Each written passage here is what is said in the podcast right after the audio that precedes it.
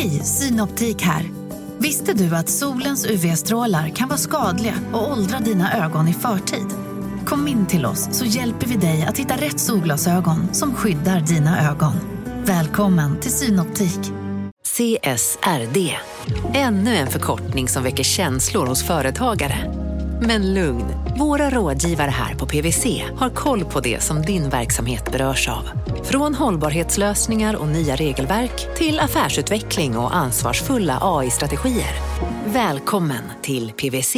Välkommen till Unionen. Hej! Eh, jo, jag ska ha lönesamtal och undrar om potten. Ja, om jag kan räkna med övertidsersättning för det är så stressigt på kontoret jag jobbar hemma på kvällarna så kan jag då be om större skärm från chefen för annars kanske jag säger upp mig själv. Och hur lång uppsägningstid har jag då? Okej, eh, vi börjar med lön. Jobbigt på jobbet. Som medlem i Unionen kan du alltid prata med våra rådgivare.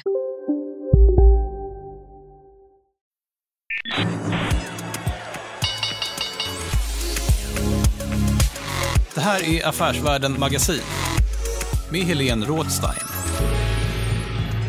Hej och hjärtligt välkommen till podden Affärsvärlden Magasin. Jag heter Helene Rådstein och idag så ska vi prata om fastighetsmarknaden och det ska vi göra med Mikael Söderlund som är analyschef och partner på Pangea Property Partners. Välkommen hit! Tack så mycket, Helene. Du, kan du berätta lite kort vad man gör som analyschef på Pangea hela dagarna? Ja, för det mesta är det trevligt arbete. Vi sitter och eh, försöker följa marknaden. Mm. Då är det både fastighetsmarknaden, vilka som köper och säljer, vad som händer. Men det är också kapitalmarknaden mm. med fastighetsaktier och vad, vad kostar det att låna pengar just nu? Ska man gå till banker eller ska man gå till eh, obligationsmarknaden och så där. Och så använder vi det i affärer. Mm. Och så hjälper ni till att sy ihop affärer? Ja, vi är rådgivare på ungefär lika mycket på köp och säljsidan och alla typer av segment och hela Norden. Är 45 mm. personer ungefär. Mm. Är ni 45 personer i Stockholm? Nej. Vi är hälften i Oslo och hälften i Stockholm. Mm, all right. Mm. Men gör, fastigheterna ligger över hela Norden. Mm. Du, du var gäst här i podden för ett och ett halvt år sedan ungefär. Du minns? Jag minns, ja. det var väl trevligt. Hänt massor sen dess. Ja, exakt. Och, eh, och fastighetssektorn de fick ju snabbt stryk på börsen när covid-19 stormade in här över världen. Men när du var gäst så sa du att fastighetssektorn den kommer stå sig starkt eh, efter krisen också. Ja, men så är det. Ja. Det är skönt att man har väldigt rätt ibland. Ja. Som jag upplever så var det ju väl i kanske april förra året eller något mm. sånt och då hade, var ju mitt i krisen. Det var ju liksom ett chocktillstånd för, för marknaden och, mm. och fastighetsaktier hade gått ner på, på botten Mm. Börsen var lågt, obligationsmarknaden hade stängt och sådär. Mm. Eh, så det var ganska svårt att staka ut vägen för marknaden. Så vi satt ju kanske och gissade lite grann så sofistikerat som möjligt. Men det har ju blivit väldigt väl. Mm. Jag tycker egentligen gissade ganska bra. Och nu så ser man väl en transaktionsmarknad som har slagit helt nya rekord? Eller? Transaktionsmarknaden är nästan galet stark. Ja. Eh, från att det nästan inte gjordes några affärer alls mm. Eh, under några månader efter corona så kom marknaden igång eh, mot slutet av förra året och i år så sätts det väldigt tydliga transaktionsrekord. Mm. Och kan vi prata lite om några affärer som jag vet inte om du kan prata om alla affärer. Vissa kanske, har du sekretess? Du kan testa. Det är ju svårt att kommentera våra egna affärer, så där, men du kan testa. Ja, men jag, jag försöker då. För en affär som har stuckit ut lite grann eh, det är Roger Akelius som har lämnat den svenska marknaden kan man säga. Och eh, det var ju en jättestor affär. Jag tror det var 92 miljarder eller något sånt där som han eh, sålde för, vad var det, Heimstaden Bostad som köpte va? Ja, ja. så det var en, en norsk eh, investerargrupp med Ivar Tollefsen ja. som ligger bakom, men som har mycket svenskt eh, institutionellt kapital bakom sig. Som gick in och köpte både hans nordiska fastigheter och eh, hans tyska portfölj. Mm. Alecta är med där också på ett hörn? Ja, de är stora. Eh, vad, vad, vad kan du säga om det? Som jag har förstått det så är det inte för att han ska gå i pension. Ja, men det är väl en sån affär som kan vara lite svårt att, att, att kommentera. Och, jag tycker det var kul att bara få vara med på, på ett hörn i en sån stor ja. affär. Det är ju en av världens största affärer eh, mm. i år. Ja. Men eh, man kan väl säga att det säger någonting kanske om marknaden. Mm. Att det kan vara lite säljläge på vissa fastigheter. Han fick mm. jättebra betalt. Mm. Och som jag förstått så kommer han använda de pengarna till att fortsätta investera i bostadsfastigheter. Men eh, i andra delar av världen och inte minst i, i Nordamerika där han har mycket fastigheter där det liksom är ännu eh, ja, man kan köpa på en högre avkastningsnivå. Jag har faktiskt varit inne i en Akelius-fastighet i Boston. Har du det någon gång? Eller i bara USA? här, nej, bara Ja, här i ja. Sverige. Eh, Men där har man, eh, man satsar mer på den amerikanska marknaden helt enkelt, där man redan finns. Eh, Men jag tror att det är så han Ja, eh, han tänker. tänker. Mm. Ja. Det, ehm, och men ser vi andra sådana liksom exits från den svenska marknaden? Generellt så behövs det behövs ju köpare och säljare i varje affär. Så att vi har ju liksom rekordmycket både köpare och säljare. Mm. Ja. Eh, men- en trend är att svenska köpare är väldigt stora nettoköpare utomlands. Mm. Så att det är klart att en del gör exit, men det är ännu fler som, som vill växa och tro på fastigheter som, som segment. Mm, Så här generellt. Eh, och om vi då ska prata mer om transaktioner så känns det också som, verkligen sen du var här, som att eh, de stora har blivit ännu större. Eller hur? Alltså Balder har blivit jättestora, SBB har blivit ännu större. Vi har en annan rekordaffär, Castellum, nu nyligen. Kan man säga någonting om, om den? Blir de stora större bara? Ja, Men jag tror det är en riktig observation.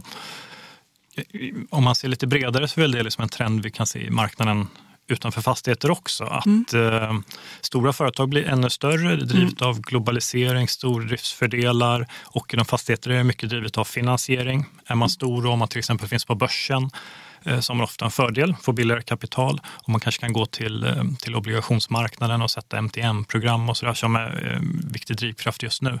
Så att när vi har räknat lite på det där så har vi sett att snittköparen på fastighetsmarknaden nästan alla år är större än snittsäljaren. Så det, det är riktigt, det sker någon sorts långsiktig konsolidering av fastighetsmarknaden.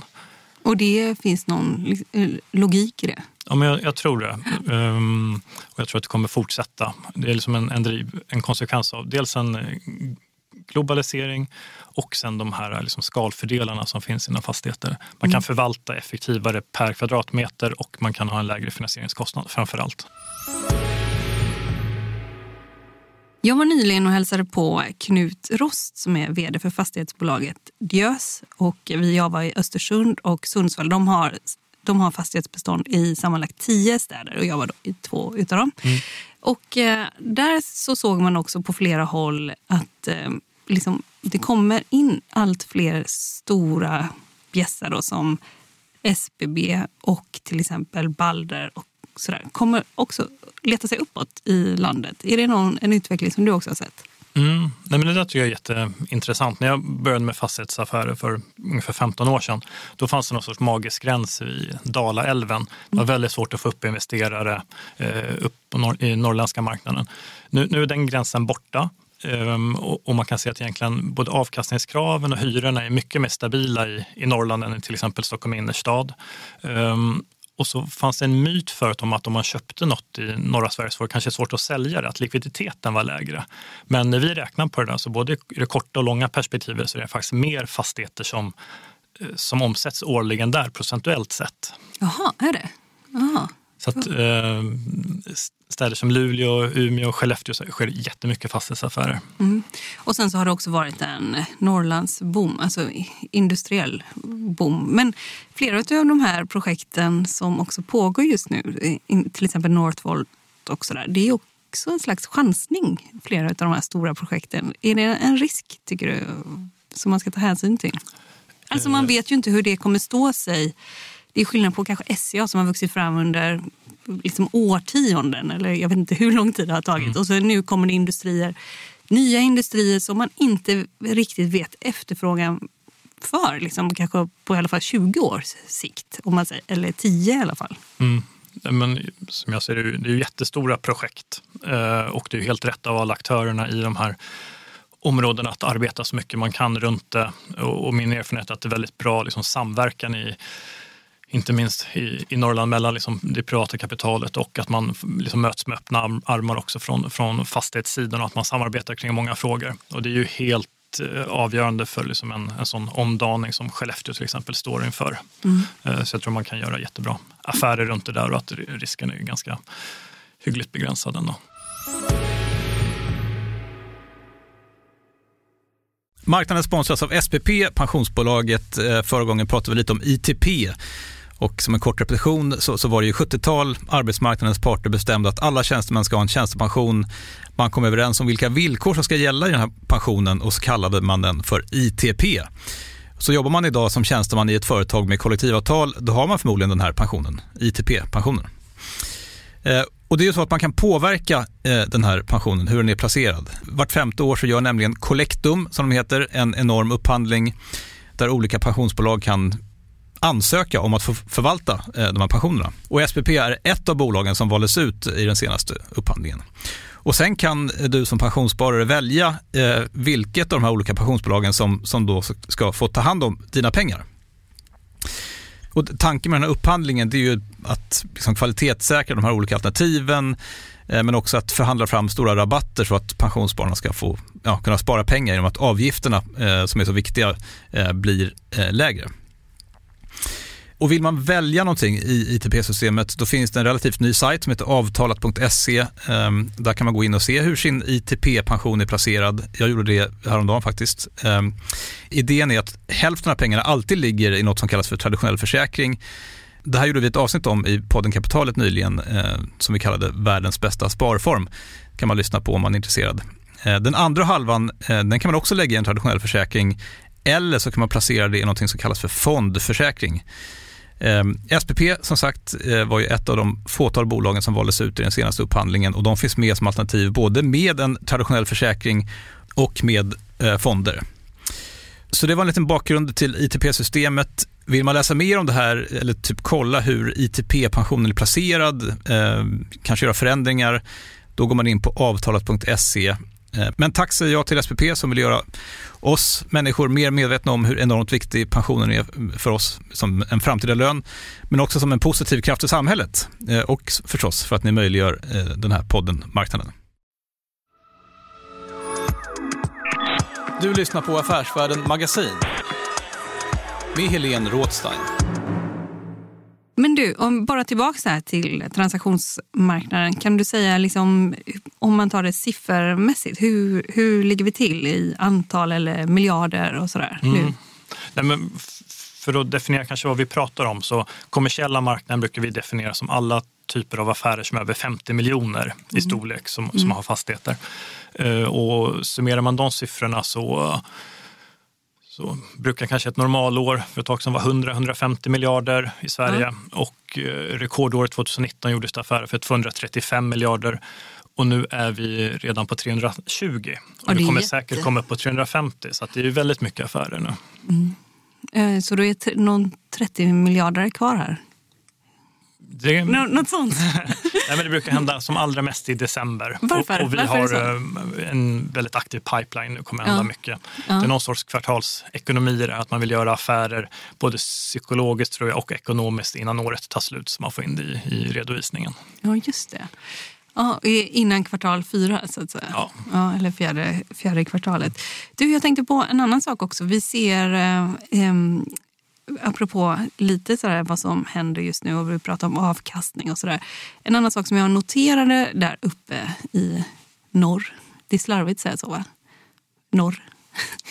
Men en sak som jag noterar uppe i norr, eller när jag hälsar på i Östersund och Sundsvall, det var att de pratade väldigt mycket om att man skulle konvertera eh, handelsytor på andra våningen och man skulle trycka ner handeln till plan 1 och sen så bygga kontor där det var eh, tidigare då, traditionell handel. Är det något som man ser på många ställen här framöver? Eller i, överallt? Ja, men det är nog en, en liten generell trend mm. där man helst vill ha den högsta hyran såklart. Och det är mm. det som, eh, som liksom skapar lite hur samhället ser ut. Mm. Sådär att eh, högst hyra får man egentligen handel i bottenplan, prime retail. Mm. Eh, kontorshyrorna är generellt sett lägre, men det är svårt att ha handel på plan 2, 3, 4. Man har testat lite grann på plan 2 här och där, mm. men ofta funkar det inte så jättebra så att det kanske är liksom en tillbaka konvertering till, till kontor som gäller där. Mm. Man kan nog också framöver se att det finns lite för mycket fysisk handel i, i, centralt i storstäder och sådär. Mm. Så att en del av det kanske blir att det kan bli kontor till och med med häftiga showrooms på plan 1. Eh, eller att det blir någon sorts pick-up point för logistik eller något helt annat, restauranger och så. Mm. Så att liksom städer lever och, och, det där ändras lite över tid. Vad man får, men det är ofta vad man får, får högst hyra som styr. Om vi då ser till kontors, eh, kontorens framtid här eh, framöver. Vad, har du någon spaning vad man efterfrågar? Ja, det är ju en jättehet fråga just nu. Mm. Ska vi jobba hemma eller ska vi jobba på kontoret? Mm. För och nackdelar. Och mm. generellt kanske så överskattas liksom, eh, riskerna lite grann för kontorsmarknaden om man är utanför branschen. Man, är, man tänker att det kanske kommer stå helt tomt framöver och bli såna ödestäder och sådär. Mm. Um, det tror jag i alla fall inte är någon större risk i, i Norden generellt. Vi är ganska vana med hemarbete sedan tidigare och vissa jobb är logiska att göra hemifrån, vissa är logiska att göra från kontoret och den där omvandlingen har börjat tidigare. Den kan ta några steg till, absolut, i, i Norden. Men det kommer inte bli någon, någon stor krasch tror vi på hyresmarknaden. Utan, um, kontorshyrorna tickar på, um, men efter corona så är man mera upptagen av innehållet och läget. Så det är inte bara liksom att man, man hyr ett dussin kontor. Man måste liksom kunna motivera varför vill våra anställda sitta i det här kontoret? Hur ska vi få tillbaka dem till kontoret? Det måste vara extra spännande och eh, kanske extra liksom strategiska och bra lägen. Eh, om vi ser på ett annat segment som eh, har varit väldigt hett, apropå lite handel och kontor, så är det ju logistikfastigheter, lager och logistikfastigheter. Och här så har man ju sett tidigare då stora internationella jättar som Blackstone och så här, samlar på sig stora logistikpaket, eller vad ska vi kalla det, över hela världen. Och inklusive Sverige har man ju köpt på mycket. Vad händer där just nu skulle du säga?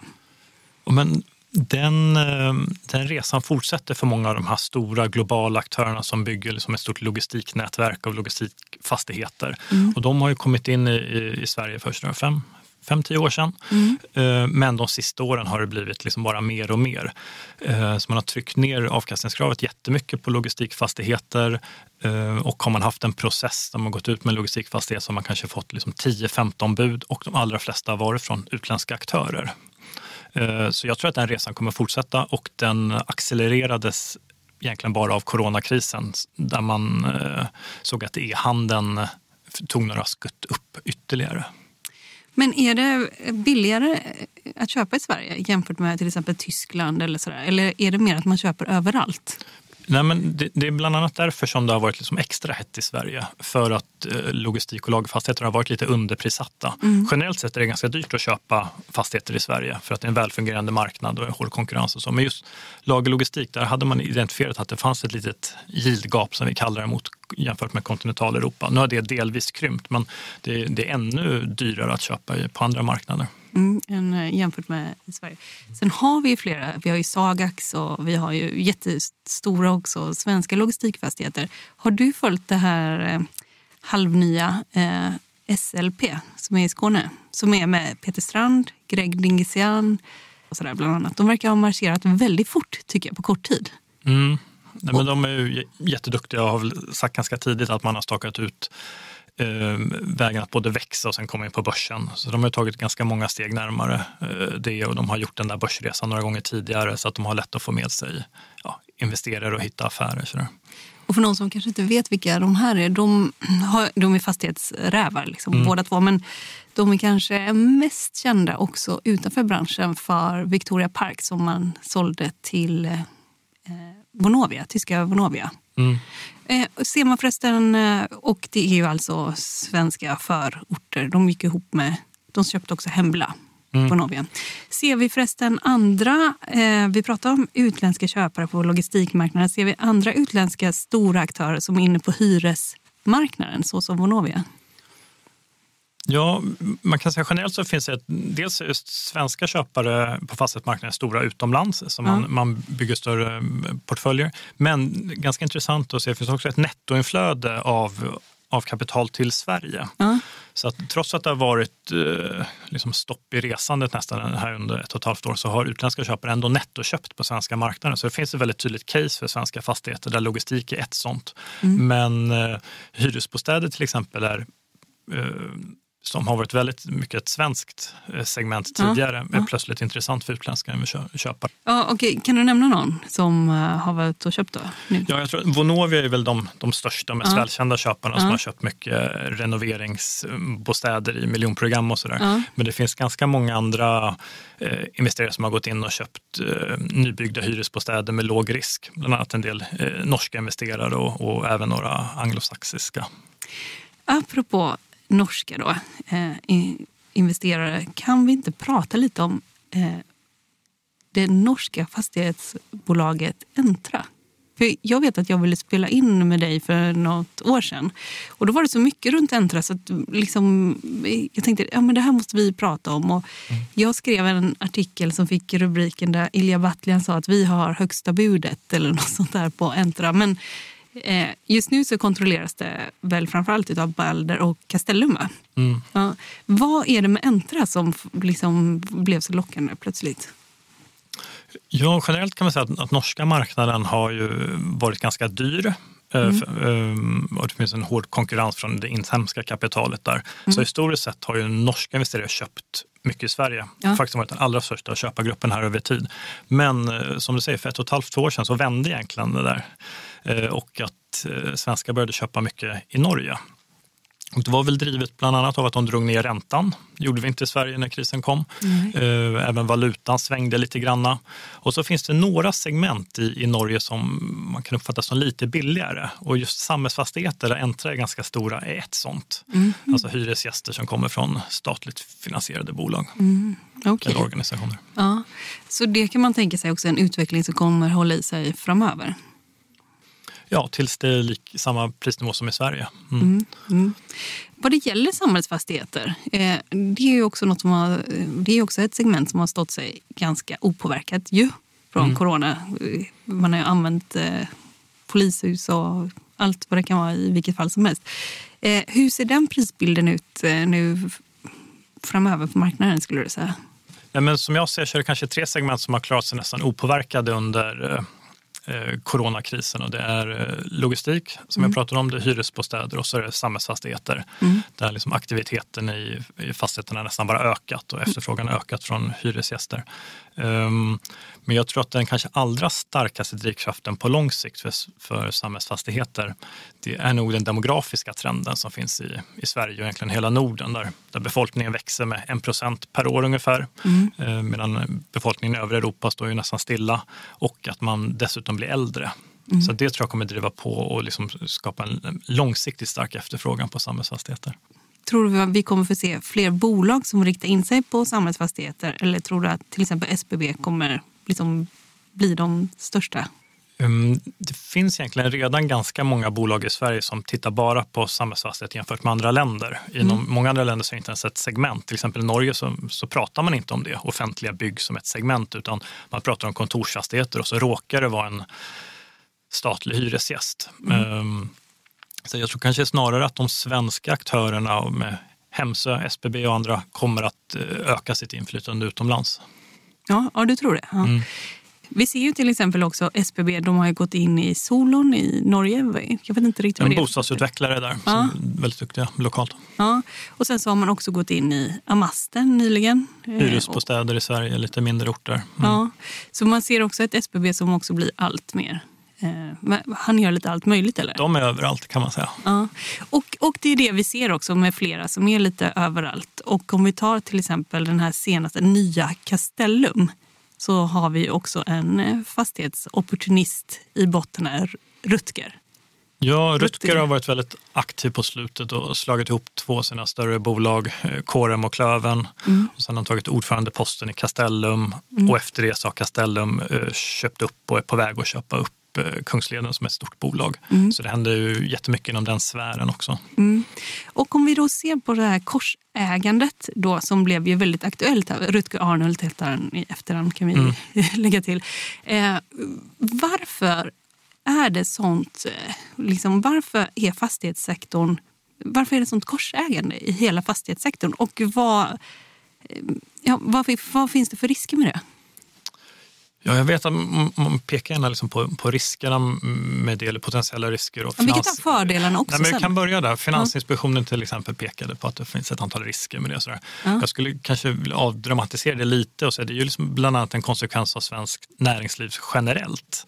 Där vi har A och B-aktier, röstdifferentiering som gör att det är lättare att kontrollera flera bolag eh, mm. med, med, begränsat kapital. Mm. Och sen har vi också liksom den här möjligheten att äga bolag i pyramider, att man äger 30 procent i ett bolag som sen äger 30 i något annat som äger 30 i något och de med ganska begränsad equity på toppen kan du kontrollera många bolag. Så att det är ju inte bara för fastighetssektorn utan det är lite speciellt eh, i, i den typen av länder som, som tillåter det.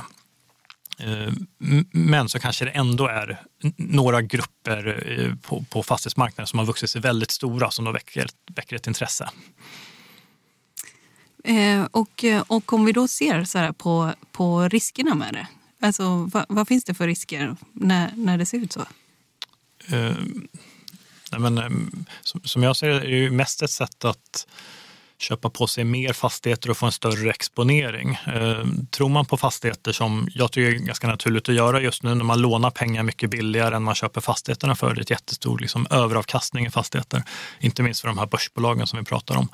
Eh, så det är logiskt för dem att göra affärer och det, är inte så lätt att, bygga upp en portfölj för att köpa fastighet för fastighet. Det gör de också, men då passar man också på att finansiera andra bolag som i sin tur kan hitta fastigheter och bygga på sin affärsidé. Så, så det positiva med det är att man, man skapar en differentiering och finns på många marknader inom många segment. Eh, sen en, eh, en risk kanske kan vara att man, man äger börsnoterade bolag. Det är lättare för en fastighetsaktie att gå ner mycket från en dag till en annan än en fastighetsvärdering som ofta laggar väldigt över tid. Mm. Och ser man också, har inte Finansinspektionen också lyft någon risk här med att eh, om det faller i ett bolag så kan det falla i nästa? Att det kan liksom sprida sig lite? Mm. Eller? Det är väl deras jobb att liksom försöka hitta eh, risker i marknaden och då pekar de på någon sorts domen som finns där. Men jag tycker man får liksom väga det mot att det finns en riskdifferentiering också. Alternativet här skulle väl vara att man bygger upp ett bolag väldigt mycket och blir jättestora. Jag vet inte om det är mindre eller större risk.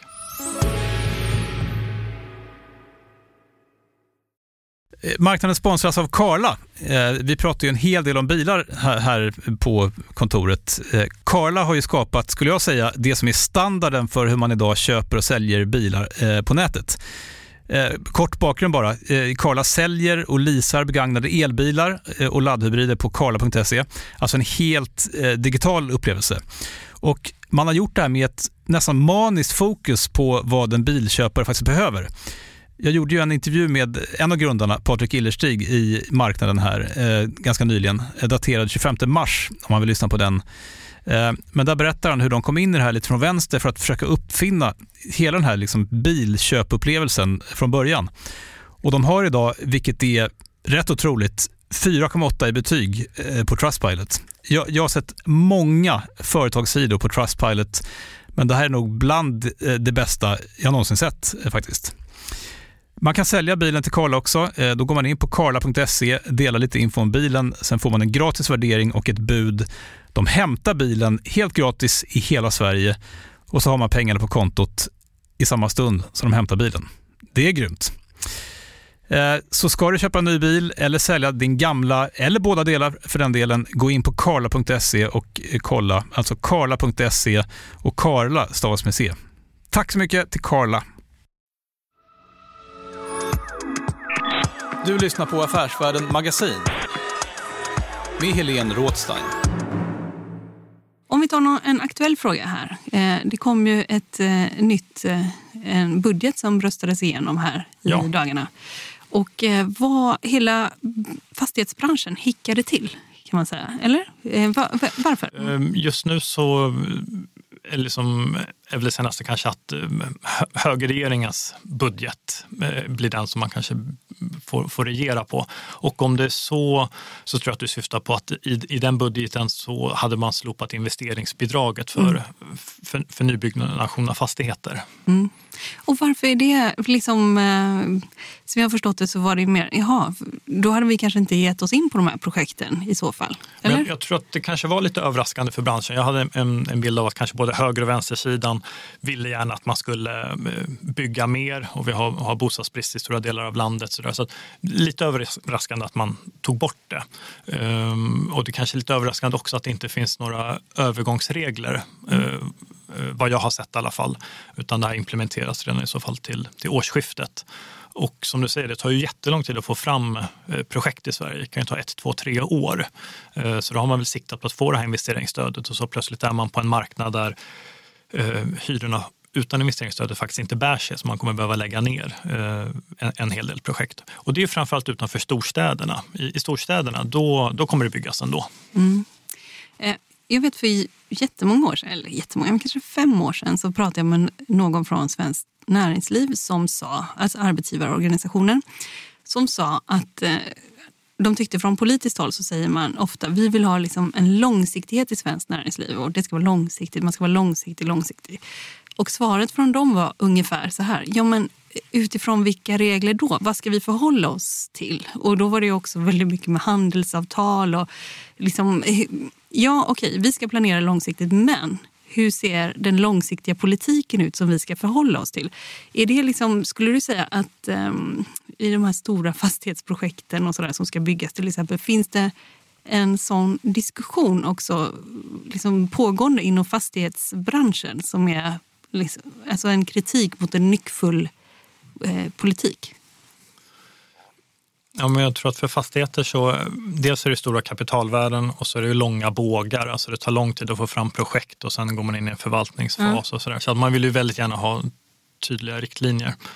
Um, men jag tror kanske en, en större risk som jag ser det just nu, det är att vi kommer få liksom återigen en svag regering oavsett vilken det blir. Så att det är väldigt svårt att driva reformer. Och det finns en del grejer som inte funkar superbra på fastighetsmarknaden och då behöver man liksom ett starkt regeringsunderlag för att kunna driva den typen av frågor. Mm. Kan du nämna någon reform som är sådär, eh, liksom, eh, som folk är frustrerade i, eh, över i branschen som inte blir till? Ja, jag tror att alla är eniga om att det skulle vara bättre med snabbare och mer effektiva planprocesser till exempel. Uh -huh. Och då skulle uh -huh. det byggas mera av naturliga skäl utan mm. subventioner och sådär.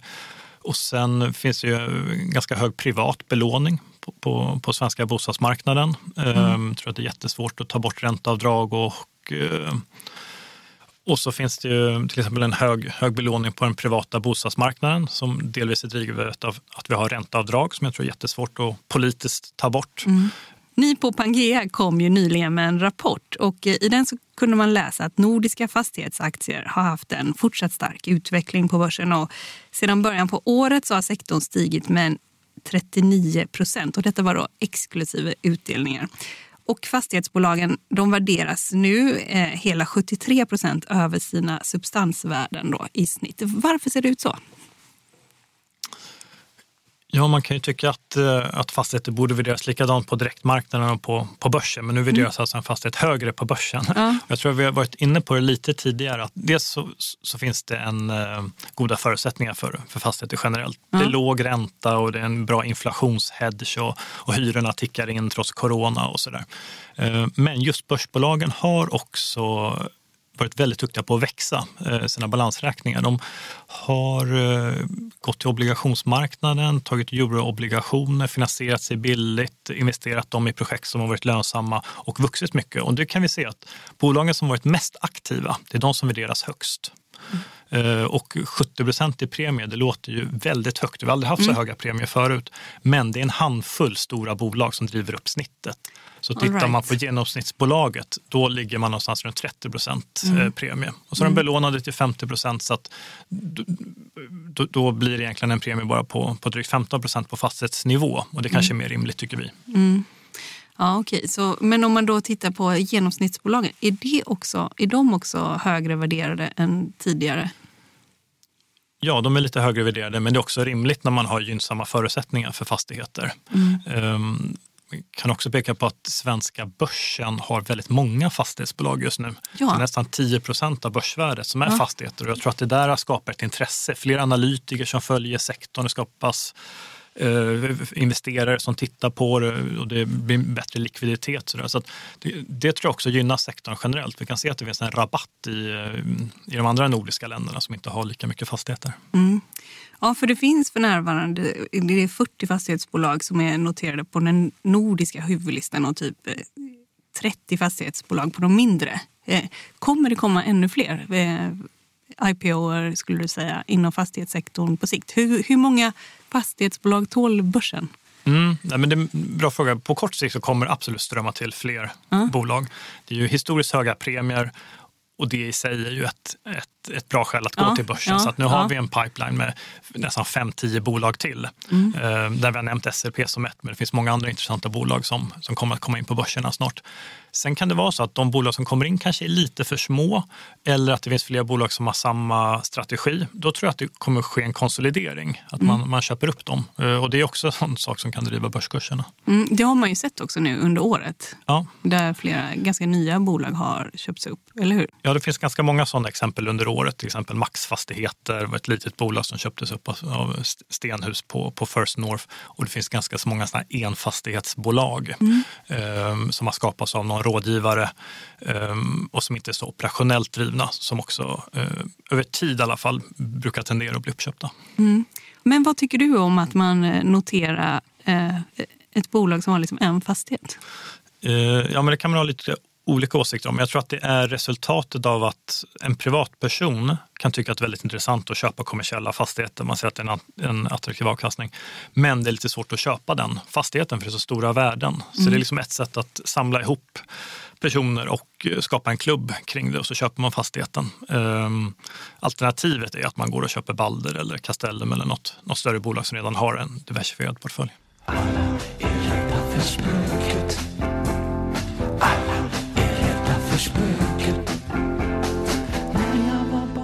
Du, alla är rädda för spöket fanns en barnlåt för länge mm. sedan. Ja.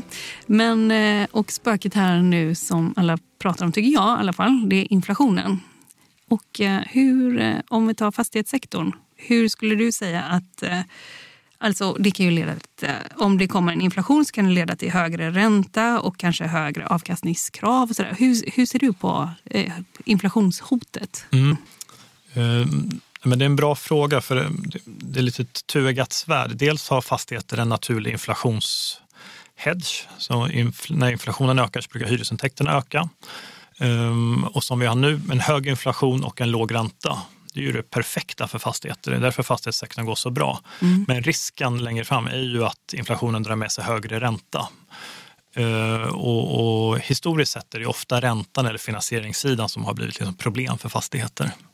I många kriser så har ju fastighetssektorn också varit väldigt central. Eh, när allting går så bra, mm. ska man vara orolig med tanke på att fastighetssektorn har varit så central i flera kriser historiskt? Ja, jag är inte särskilt orolig så, men om man tittar historiskt och försöker lära sig något av det i alla fall så kan man väl se att den generella mönstret ofta för fastighetssektorn är att det tickar på uppåt och så går det ganska snabbt neråt när det väl blir någon sorts krasch. Och sen tickar mm. det på uppåt under många år och så blir det som ser lite mer ett kraschbetonat scenario. Mm. Sådär. Och det är nog ofta att finansieringsmarknaden har fått problem på ett eller annat sätt. Det var mm. det som hände under finanskrisen till exempel. Finansieringen ströps och, och det var svårt att göra fastighetsaffärer. Um, det var det som hände under andra kvartalet förra året. Väldigt svårt att göra fastighetsaffärer och, och börsen tog stryk och fastighetsbolagen till nästan 50 procent. Så det är inte omöjligt att det scenariot kommer återupprepas någon gång i framtiden. Men jag tycker just nu så känns det ändå som att, eh, att det är väldigt stabila förutsättningar för fastigheter. Och eh, Riksbankens räntehöjning, ja, den indikeras väl någonstans 2024 eller något sånt och mm. kommer inte gå jättesnabbt. Nej. Det finns just nu en ganska stor buffert också, en skillnad, en överavkastning i fastigheter. Så att, eh det är därför värderingarna är så starka på börsen helt enkelt. Mm. Eh, det var faktiskt ett segment som vi bara snuddade vid lite grann. Eh, och det är hyresfastigheter som ju är fortsatt väldigt hett ju, eh, vid sidan av logistik. kan man väl säga. Att de är, det är logistik och hyresfastigheter, har jag förstått rätt, som är liksom det hetaste? Ja, tillsammans kanske med samhällsfastigheter ja. och eventuellt mat som är ett litet minisegment inom handel. Ja, det pratar vi om alldeles strax. Ja. Men vad är det med hyresfastigheter? Vad, hur ser det ut där?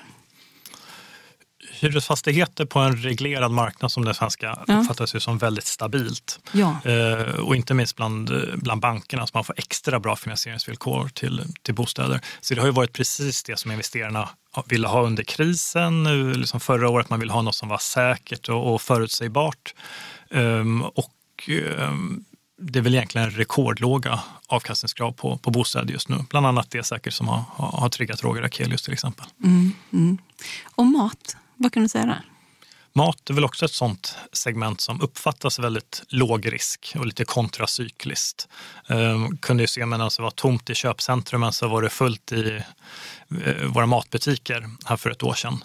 Uh, men där har man väl kanske liksom den långsiktiga risken som jag ser att man kommer att handla även mat på nätet. Mm. Så det finns någon liten risk längre fram, är vi inte riktigt där än. Mm.